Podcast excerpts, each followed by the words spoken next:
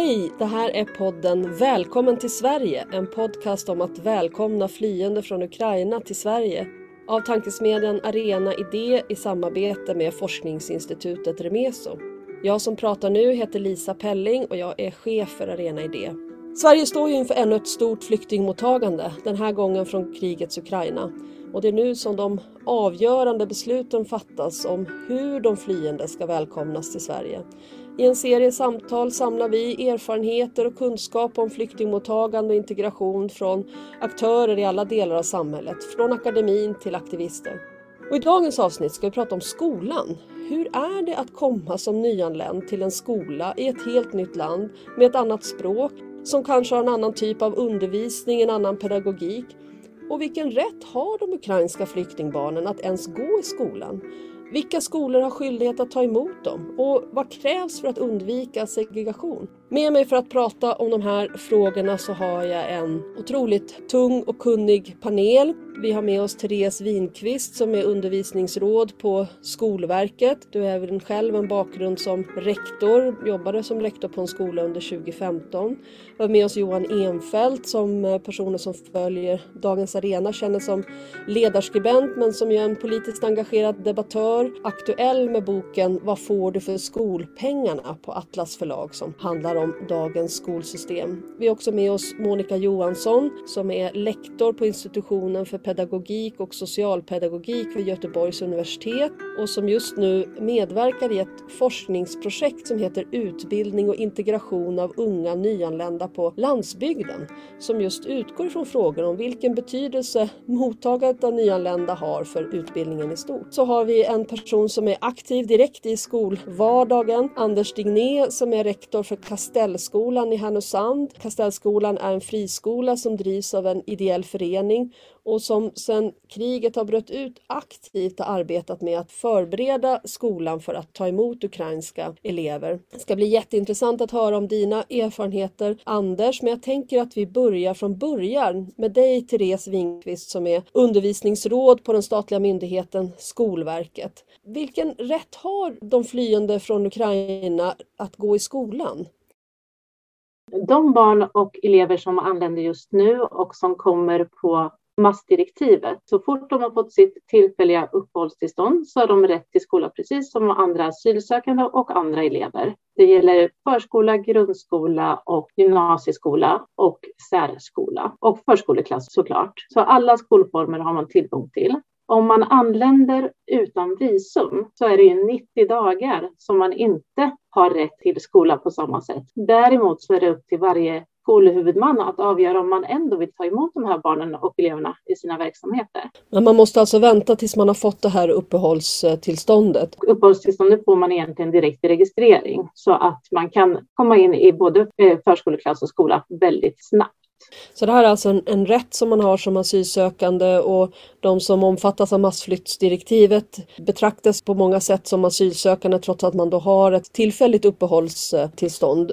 Man kommer till en kommun, det är kommunerna som har hand om skolan. I praktiken går det till så att man knackar på dörren hos närmsta skolan och ber att eh, få, få börja där. Har alla skolor skyldighet att så att säga öppna dörren till klassrummen? Eller ser det där olika ut? Vad har fristående skolaktörer, fristående huvudmän till exempel för, för skyldighet? Eh, det finns ju ett fritt skolval i Sverige så att det är upp till vårdnadshavare eller gode män att avgöra var barnen och eleverna ska gå. Och även friskolor är ålagda att ta emot genom kvot, heter det. Att man ska avsätta ett visst antal platser för de här eleverna.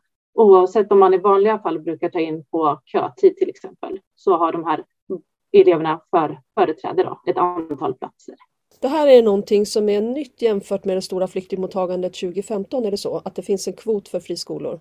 Ja, det stämmer. Det är nytt för den här omgången. För det är en, en fråga som har diskuterats i spåren av eh, det stora flyktingmottagandet 2015 och även eh, tidigare som till exempel eh, det stora flyktingmottagandet från Bosnien och andra länder på västra Balkan på 1990-talet att det uppstod en situation där många nyanlända hamnade på samma skolor. Ett sätt för staten att undvika det är att man har den här eh, kvoten. Johan Enfeldt, vill du säga någonting om hur den här kvoten kan komma att fungera? Tror du att den kommer att vara tillräcklig för att undvika den typen av skolsegregation som vi har sett tidigare?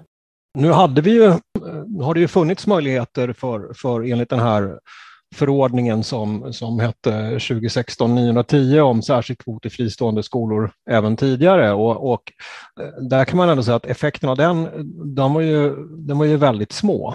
Eh, eh, och, och, det beror ju på att de kommunala skolorna har ju alltid skyldighet att bereda plats till, till elever alldeles oavsett när eleverna dyker upp. Om de dyker upp i årskurs 3, 4, 5, 6 eller 7, om de dyker upp inför terminstart eller mitt under terminen. Så att den här förordningen om, om särskild kvot, som man kunde, den var ju aktuell för friskolor under förutsättning då att eh, man behövde göra ett urval naturligtvis, men, men framförallt så förutsatte det att det var elever som sökte till de här friskolorna. Det är mycket möjligt att en del i förklaringen till att det är väldigt få eh, nyanlända elever på friskolor ligger i att det är få som, som har sökt, därför att kommunen placerar ju inte elever på, på fristående skolor. Och där är det naturligtvis hur många som söker, det, det påverkas också väldigt mycket av eh, friskolornas insatser för att marknadsföra sig mot de här grupperna. Och det är klart att eh, i en situation där man säger att man har en friskola som är populär och har många sökande, om man inte marknadsför sig mot nyanlända grupper, eh, då får man inga sökande och då, då, blir aldrig den där, då kommer aldrig den där kvoten i spel. Så det här är ju, det här är ju så att säga en följd av att, av att eh, friskolor kan man gå på om föräldrarna har valt det Eh, Medan kommunala skolor, kommunal skola kommer man alltid bli anvisad än. Så, så därför blir ju det här ganska skevt då. Eh, Anders Digné som är rektor för Kastellskolan i Härnösand. Du kanske är något av ett undantag då om man ska eh, tro eh, Johan som är en friskola, i och för sig inte en vinstdrivande friskola då utan en friskola som drivs av en ideell förening. Men ni har aktivt arbetat med att förbereder på att ta emot eh, flyktingbarn från Ukraina. Berätta. Vi har i alla fall förberett oss sedan den 9 mars genom att jag tog kontakt med styrelsen och frågade hur, hur ser vi på det här? Hur vill vi agera? Och då var det ju direkt svar att gör allt vi kan.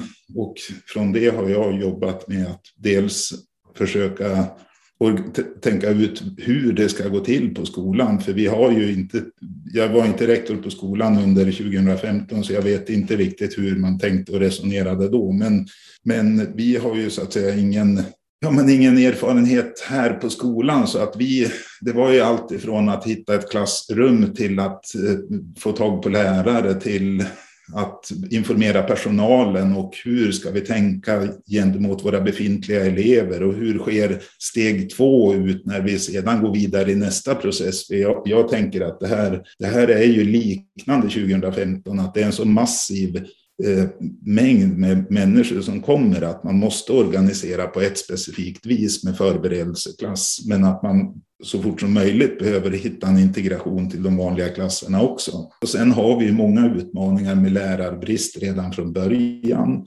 Eh, det är ändå en, skolan är en organisation som har ett tungt sam, samhällsansvar, som har bärt mycket under en lång tid, både vad det gäller covid-pandemi, flyktingkatastrofer tidigare, lärarbristen var jag inne på. Sen har vi ju utmaningarna med personalsituation, ekonomi, etc. etc.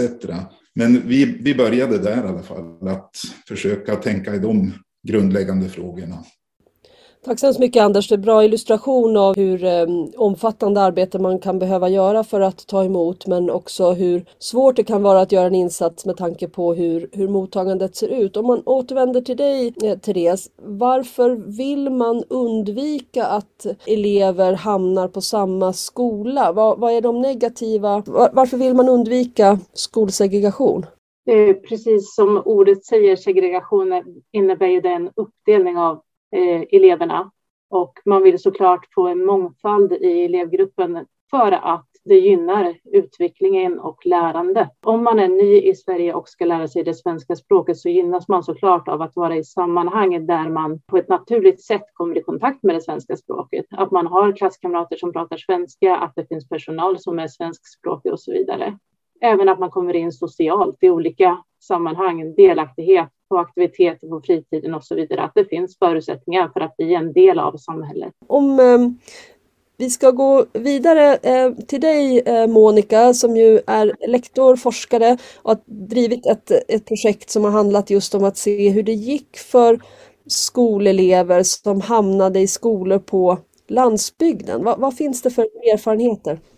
Jag skulle bara först vilja kommentera att just när det gäller land, skolor i landsbygd, vi har tittat på gamla bruksorter eller mindre samhällen då, och glesbygd när det gäller friskolor, det fria skolvalet. Det är en icke-fråga nästan. För att i de platser vi har varit är det enormt ovanligt med Alltså vare sig det är vinstdrivande då eller eh, andra skolor. Det finns mindre föräldrakooperativ på några ställen, kanske i högre grad riktat mot förskola. Men här finns det så att säga, det finns en skola och dit går man. Det var som en elev sa, hur är det att gå här? Ja, det är bra, vet du, det finns en buss och den tar man. Så, så, så jag tror att vi ska, eh, nu bor ju eh, många i, de större städerna, men jag, jag tycker liksom att för mig blir den här frågan inte Eh, är så viktig. Utan det, jag kan inte uttala mig om hur det har gått för eleverna. Men vad jag kan skriva är vad de möttes av under den här flyktingvågen 2015. Och också lite granna hur man kan tänka kanske inför den här eh, nya flyktingvågen då från Ukraina. Och det här handlade om skol, Eh, orter där det är som är utflyttning i hög grad. Man vill ha människor till bygden. Man vill ha så att säga de här vuxna då, med, som är sjuksköterskor, ingenjörer och det är. Och man är också glad att få elever till sina skolor. Eh, I hög grad pratar vi om riktigt små skolor, kanske 100 elever på en F-9-skola. Eh, vi mötte ett jättestort engagemang och det tror jag säkert det var i städerna också. Eh, många lärare uttryckte att eh, världen kom till oss. Och vi såg också ganska, så att säga, nästan heroiska insatser tycker jag bland personal. Samtidigt så var det väldigt stora utmaningar, egentligen ungefär de som Anders beskrev, som även statsskolan, det här med ont om lärare överhuvudtaget. Landsbygden har ju svårt att få utbildade lärare, precis som vissa förorter. Språken var svåra att hitta korrekt och även eh, det här är många gånger kommuner som har ganska ansträngd ekonomi så att eh, resurserna var eh, i början. Sen kom ju det och det kom ju hjälp från Skolverket. Och sånt. Men det jag vill betona är att eleverna möttes av jättestort engagemang och man var glad. Så ska ni vara kvar på orten? Man ville att de här eleverna och deras familjer skulle vara kvar. Så blev det ju i många fall jag tänkte bara flika in där att innan jag blev rektor på den här skolan så var jag rektor i just en liten brukskommun fem mil norr om Härnösand. Och eh, jag tänker att utmaningar med med det är ju dessutom, nu vet jag ju att Migrationsverket sa till att de flyttar från orten och det flyttade över 100-150 människor fick flytta från Kramfors. Och eh, det var ju bara förra året och skolorna fick omorganisera för att dra tillbaka. Och eh, många människor blev både de som fick flytta igen förstås, men också de som hade ställt upp och hjälpt till och försökt göra vad man kunde, både i skola och samhället, blir ju trötta av samhällets liksom snabba svängningar. Så att man, det man kan bevara nu det är att när det kommer en ny, man får kalla det våg, det låter liksom hemskt, men det kommer en ny situation med ett krig, att samhället är trött på att mobilisera. Nu verkar ju ändå samhället mobilisera igen, vilket jag tycker känns fantastiskt. Men, men ändå att det blir så svängigt. Ja, precis. Jag, om jag får kommentera det så är det delar av det du beskriver på pricken där vi har funnit. Det, dels det stora engagemanget, men också den tomheten som blev när det en kväll står tre bussar som hela flyktingförläggningen stängs ner och bussen går till Piteå eller vart det nu är. Så det är den här. Nu, det är det vår delstudie två handlar om. Jag tror att engagemanget kommer finnas kvar. För man har också beskrivit att det har påverkat så mycket och att det här är väldigt känslomässigt. Det, har, det är det ju för alla lärare förresten och för skolpersonal. Men, men det finns en fundering om huruvida detta kan påverka. Men jag, nu tror jag att det är så mycket massmedialt och det är så mycket annat med Ukraina men i övrigt så beskriver du väldigt väl det mönster vi har funnit i de här bruksorterna. Man ska påminna om, eh, om mottagnings villkoren för de som kommer enligt massflyktsdirektivet som vi har tagit upp i tidigare avsnitt. Och då är det ju så att man på många sätt är som om man vore en asylsökande. Det innebär att om man vill så kan man eh, bo på ett mottagningsboende som Migrationsverket tillhandahåller. Eller så kan man välja att ordna sitt eget boende, det här som brukar förkortas EBO. Men det finns en begränsning i EBO som inte har funnits tidigare och det är att vissa kommuner har av regeringen fått rätt att undanta vissa bostadsområden från en möjlighet för asylsökande att bosätta sig där med ersättning från Migrationsverket. Man, man har inte rätt att hindra någon från att hyra en lägenhet i Södertälje men väljer man att bo i vissa delar av Södertälje så får man ingen ersättning från Migrationsverket alls. Och den ersättning som man får om man bor själv den är väldigt, väldigt liten. Den har inte höjts sedan 1994 och den är för en ensamstående person 61 kronor per dag. Och det ska då täcka så att säga alla utgifter som man, som man har. Det, det är ju väldigt liten summa så man förstår ju att om det är så att eh, Migrationsverkets boende stängs då har man kanske inte någon annan något annat val än att följa med bussen till nästa mottagningsboende. Eh, eh, eh, och då, då säger du Monica att då, då är det stor sorg på orten. De här eleverna som man har jobbat hårt för att integrera, de måste plötsligt flytta. Men du menar ändå att engagemanget kan, kan finnas kvar? Är det det du, du ser? Ja, det, det, det tror jag. Men det är det som vi, vi har ju inte påbörjat delstudier till. Vi har gjort någon intervju. Eh, men och det finns ju också en erfarenhet och kunskap eh, på de här ställena nu. Men jag, jag, har väldigt svårt att tro att det skulle bara stängas av, det engagemanget. Eh, däremot så, så har man ju också diskuterat det här med fördelningen över landet naturligtvis. Är det rimligt att del, vissa delar av landet tar så stor, stort ansvar att det eh, så att säga ska ske mer under ordnade former? Men jag, utifrån de erfarenheter jag har så tror jag att de här lärarna kommer ha kvar sitt engagemang med skolpersonalen.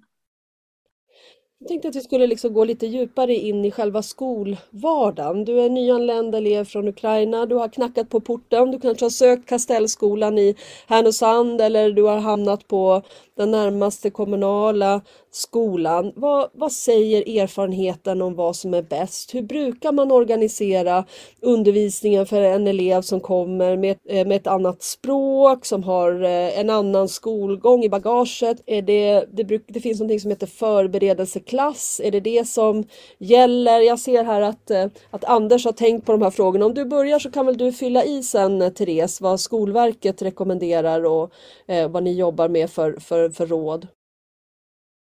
Mm, jag tänkte bara redan vara lite före min tid tror jag, för vi kommer ju reda i det här hur vi ska jobba på bästa sätt och vilka, vilka rekommendationer och vilka råd som finns.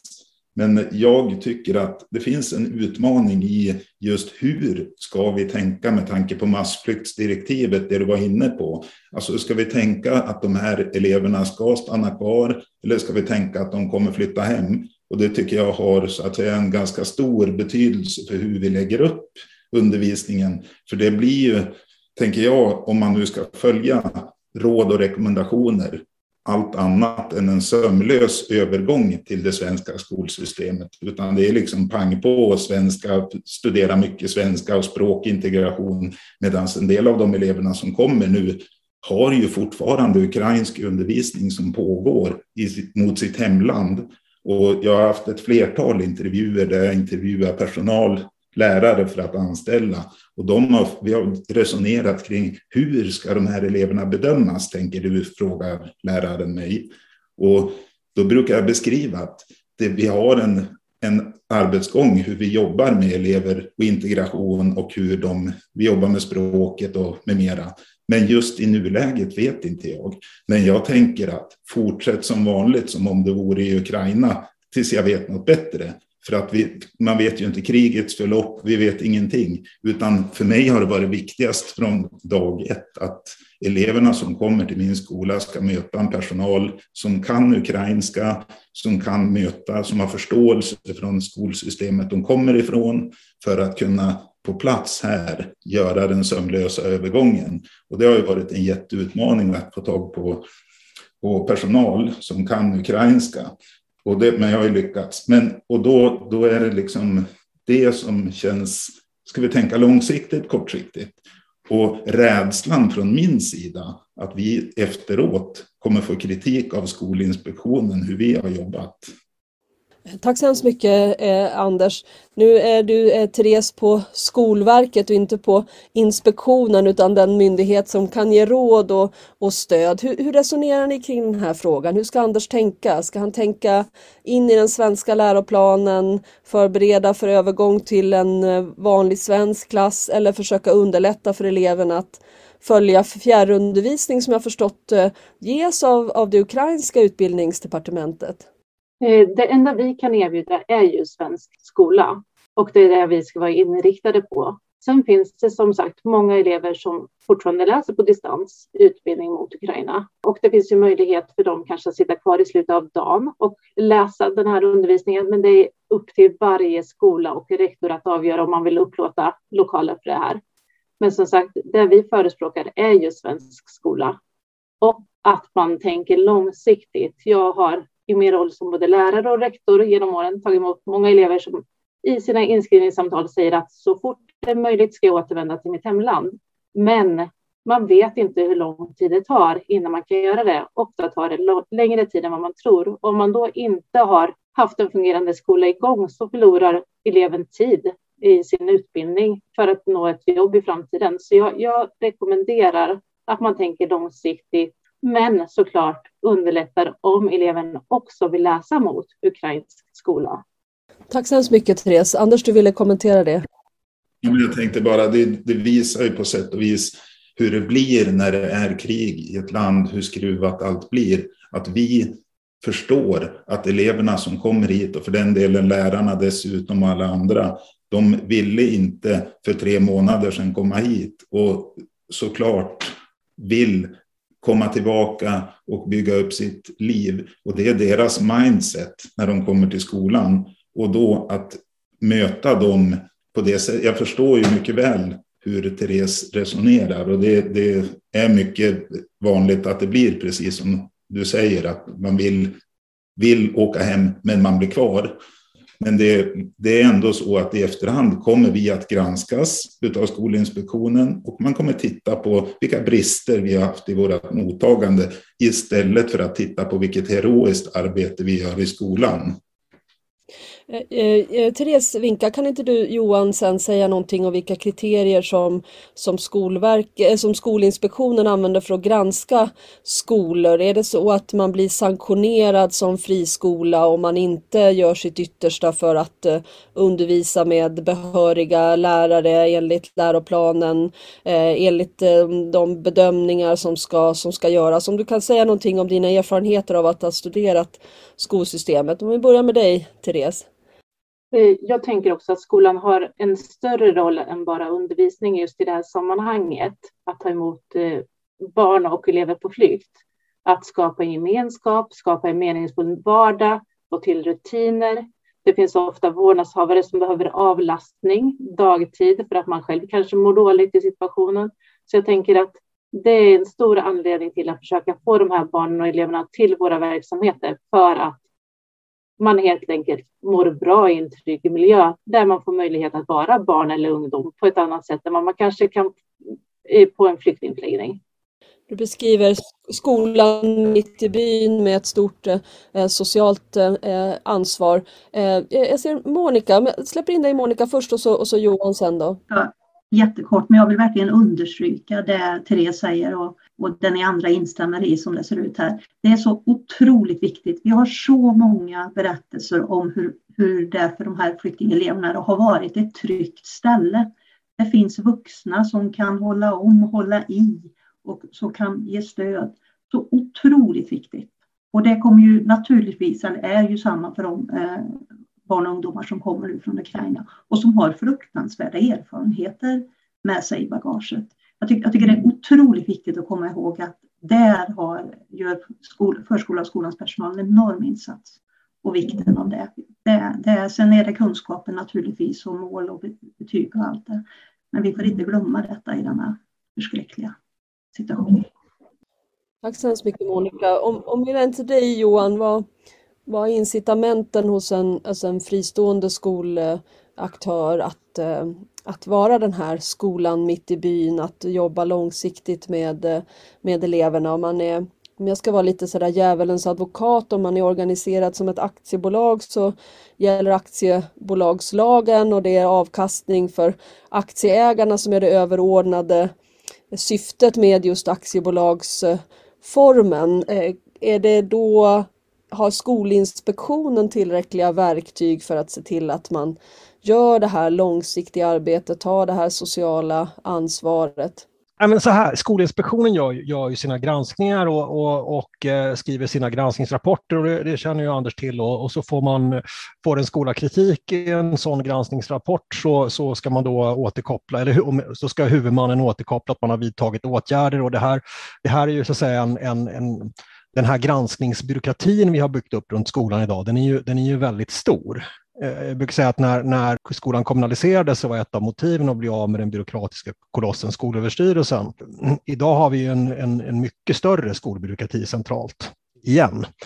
Men, men, men sen är det då frågan, okej, okay, nu frågar om sanktioner och vad man får. Så det, om, om man pratar sanktioner i, i, som känn, kännbara sanktioner, alltså i form av att man utdömer viten till exempel, Eh, det, det, är ju, det är ju ganska ovanligt att det sker av några andra skäl än att Skolinspektionen har konstaterat som omfattande brister gäller, gällande särskilt stöd och extra anpassningar eller om det handlar om åtgärder mot, eh, som trygghet, eller åtgärder mot kränkande behandling. Det är de två, de två som är det vanligaste om, om vi pratar de kännbara sanktionerna. Att, att en skola får, får ett vite för att man har för, för för låg personaltäthet eller för låg andel behöriga lärare eller, eller gör någonting i undervisningen, det, det är jag känner nog inte till egentligen några fall av det, utan de här vitorna handlar just om det här med särskilt stöd eller, eller trygghet på skolan.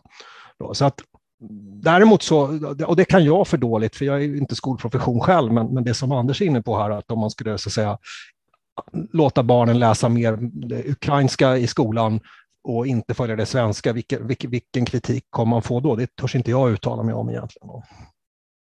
Det är möjligt idag att, att ha annat undervisningsspråk än svenska på hälften av lektionerna. Visst är det så på internationella engelska skolan till exempel. Så att, teoretiskt sett skulle man kunna ha undervisning på ukrainska då hälften av tiden. Mm. Men, men alltså, ja, det, det, så är det inte. Därför att det här regelverket för undervisning på annat språk, det är, det är, det är en väldigt tydlig särbehandling av just engelska. Eh, det är inte undervisning på annat språk som är tillåtet, utan det är undervisning på engelska. Eh, där, finns, där är regelverket annorlunda för övriga språk, så det är nog inte, det är nog inte riktigt, riktigt så enkelt där skulle jag säga. Då. Och där har man också ett undantag från kravet eh, av att ha behöriga eh, lärare. Där får även lärare som inte är behöriga eh, att undervisa i Sverige undervisa, trots att man inte då har, har möjlighet att, att kontrollera om man överhuvudtaget är behörig lärare. Anders vill komma in, sen börjar det bli dags att jag tänkte bara säga en sak apropå Skolinspektionen, att de granskar ju givetvis inte bara friskolor, utan de gör ju uppföljning på även kommunala skolor. Skillnaden är väl den att det märks inte lika mycket i mediedebatten, tycker jag, om kommunala skolor inte uppfyller kraven, vilket också är vanligt, menar jag. Att jag tänker att den här, man borde istället prata om kvalitet i skolan, att, att det, det kan vara hög kvalitet på en friskola, låg kvalitet på en friskola, hög kvalitet på en kommunal skola eller låg kvalitet. Så det är ju liksom ingen, där blir det ibland att friskola blir någon sorts markör för att det är dåligt. Och det tycker jag inte stämmer. Sen, sen tänkte jag bara säga apropå organisering och hur man lägger upp alltihop. Så jag brukar, nu tack och lov har jag jobbat som rektor, lärare 17 år, rektor 13 år och jag känner att nu börjar man på något sätt landa i det här rektorskapet och vara trygg i det. Och då finns det ju en, en paragraf i skollagen som ibland är skön att tänka på. Det är paragraf 10 i första kapitlet, att det ska vara barnets bästa. Så man ändå kan man motivera hur man tänker så är det i alla fall det är en paragraf som i rätt många tillfällen är bra att ha med sig.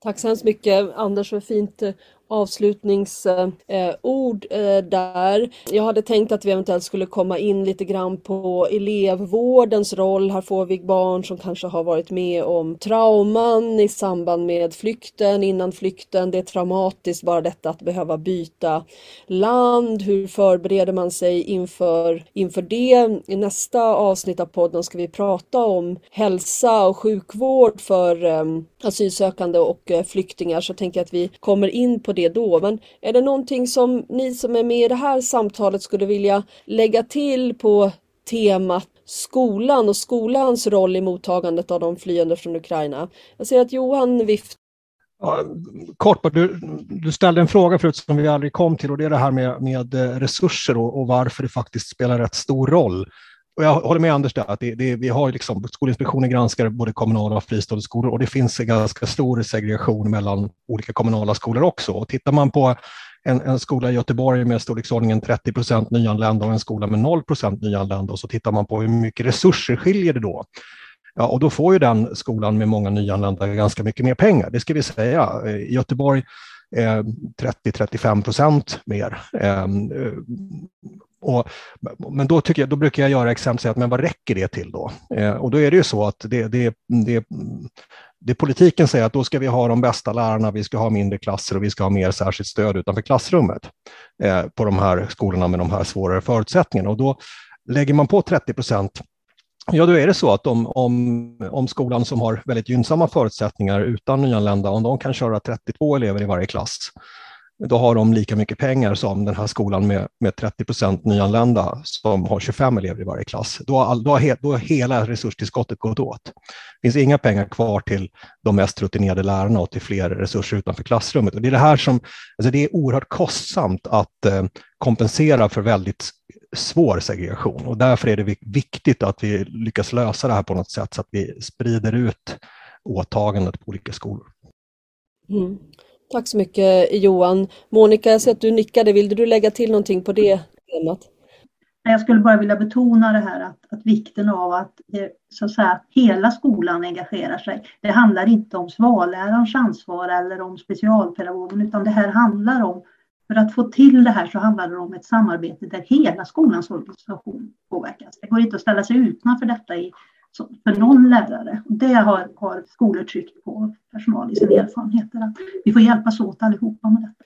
Tack så hemskt mycket för att ni har eh, varit med idag. Eh, Therese Winkvist, undervisningsråd på Skolverket, Johan Enfeldt som är ledarskribent och aktuell med boken Vad får du för skolpengarna? Monica Johansson som är lektor på Göteborgs universitet och sist men inte minst Anders Degné som du alltså är rektor för Kastellskolan i Härnösand, en friskola som drivs av en ideell förening. Tack så hemskt mycket!